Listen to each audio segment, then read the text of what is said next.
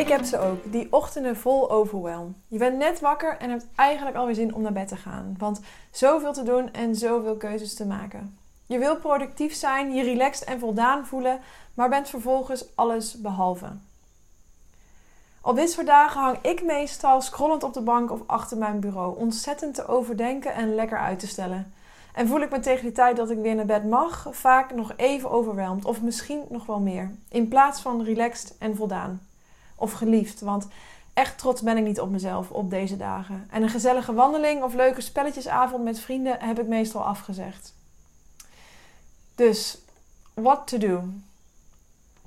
Het tegenovergestelde van overwhelm en de remedie is focus. Van duizend dingen naar één ding. Van alles een beetje naar één ding goed. Van meer naar minder. Want less is more.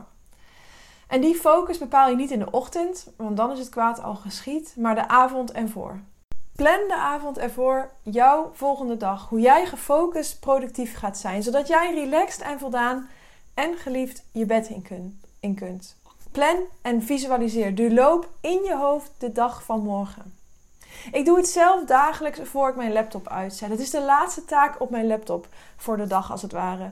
Want het helpt mij gefocust en dus productief te blijven. Me relaxed, voldaan en stiekem geliefd te voelen. Niet op de laatste plaats door mezelf. Omdat ik heb gedaan wat ik wilde doen zoals ik het voor ogen had. Over het algemeen dan.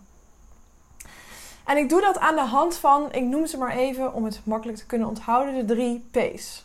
Project, present en persoon. Als eerste, project. Wat is dat ene project of stuk project waar jij morgen aan werkt? Wat is jouw big thing de volgende dag? Dat ene ding met al je focus morgen. Uitstellen is geen optie, overdenken ook niet en afzeggen al helemaal niet. Dus voordat ik mijn laptop uitzet, ga ik naar mijn kalender en zet ik de muis op 9 uur. En vul dan vervolgens in voor welke opdrachtgever ik wat ga doen. Bijvoorbeeld vitaliteitsnetwerk, aftermove, Year of Dutch Leaders, reisschema. En dat blok ik dan voor zo lang als nodig is. Soms twee uur, soms vijf uur, soms de hele dag. Dat ene project of die ene taak, dat klinkt weinig. Maar als je eerlijk bent, als we eerlijk zijn, kom je er vaak niet aan toe.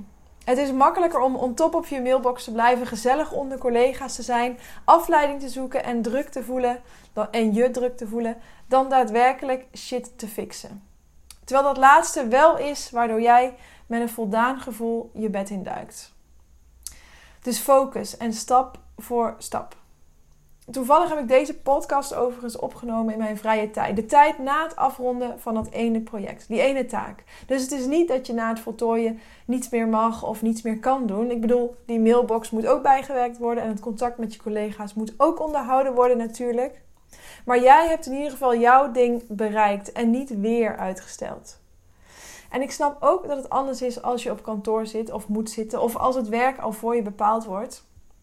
Maar dan nog kun jij met jouw agenda jouw focus bepalen, jouw ene project bepalen, zodat je in ieder geval, zodat in ieder geval het gevoel goed is.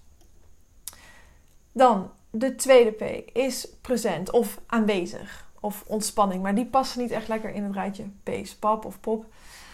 Anyway, wat is één ding, één activiteit die jij kunt doen om meer present, om meer aanwezig te zijn? Aanwezig uit je hoofd in je lijf, in je leven, op deze aarde, zodat je kunt genieten. Even niet afgeleid te zijn, maar echt aanwezig te zijn. Dit is iets, een ding, een activiteit die je helemaal doet met jezelf en voor jezelf. Bijvoorbeeld sporten, boek lezen, podcast luisteren, lekker bakken, beetje mediteren, een bad nemen, een stuk wandelen, schrijven, tekenen, whatever. Ter ontspanning, want alleen ontspannen kun je genieten en aanwezig zijn. Zodat je ook echt met een relaxed gevoel je bed induikt. En dan de laatste en derde P is persoon. Wie of wat is die ene persoon waar jij mee wil connecten morgen? Dat kan via een WhatsApp zijn, dat kan een voice clip zijn, mijn go-to tegenwoordig, of een belletje. Je hoeft niet per se langs te gaan, samen te eten, er een dag uit van te maken. Mag wel natuurlijk, offline verbinden is naar mijn mening nog altijd echter verbinden, maar het hoeft niet. Niet altijd. Maar connect, zodat je tenslotte ook met een geliefd gevoel je bed induikt. Niet op de laatste plaats door jezelf, omdat je present en productief bent geweest ook. Elke dag een klein beetje hierin wint het altijd van af en toe heel veel. Het is beter 10 dagen te focussen op één project dan één dag te werken aan 10 projecten. Het is beter elke dag even aanwezig, even ontspannen te zijn dan af en toe die vakantie echt nodig te hebben. Plus als je precies weet wat je moet doen, wat je kort kunt doen om meer aanwezig te zijn in je lijf en in je leven. In het moment kan je meer genieten en meer geluk ervaren. En het is beter om dagelijks te connecten, dagelijks één fijn gesprek te hebben met een persoon die voor jou belangrijk is, dan constant onder de mensen te zijn, bij mensen te zijn die je eigenlijk niet echt kent. En andersom. Dus, voor jij jouw laptop dichtklapt, je telefoon uitzet of je ogen toedoet vandaag, wat is morgen jouw ene project, ene present ding en ene persoon? Plan en visualiseer. Schrijf op en neem door. Word zo specifiek mogelijk desnoods. Wat, waar, wanneer, hoe en waarom. Waarom project, waarom present, waarom die ene persoon.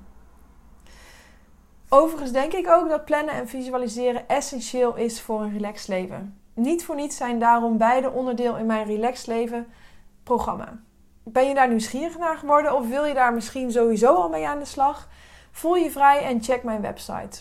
Of stuur me natuurlijk gewoon een berichtje op Instagram of per mail. Vind ik alleen maar leuk. En laat je me dan ook meteen eventjes weten of en wat je aan deze podcastaflevering hebt gehad. Nou, dat was hem in ieder geval weer voor vandaag. Kort en krachtig, zoals je van me gewend bent. Ik wens jou heel veel liefs en ik spreek je snel.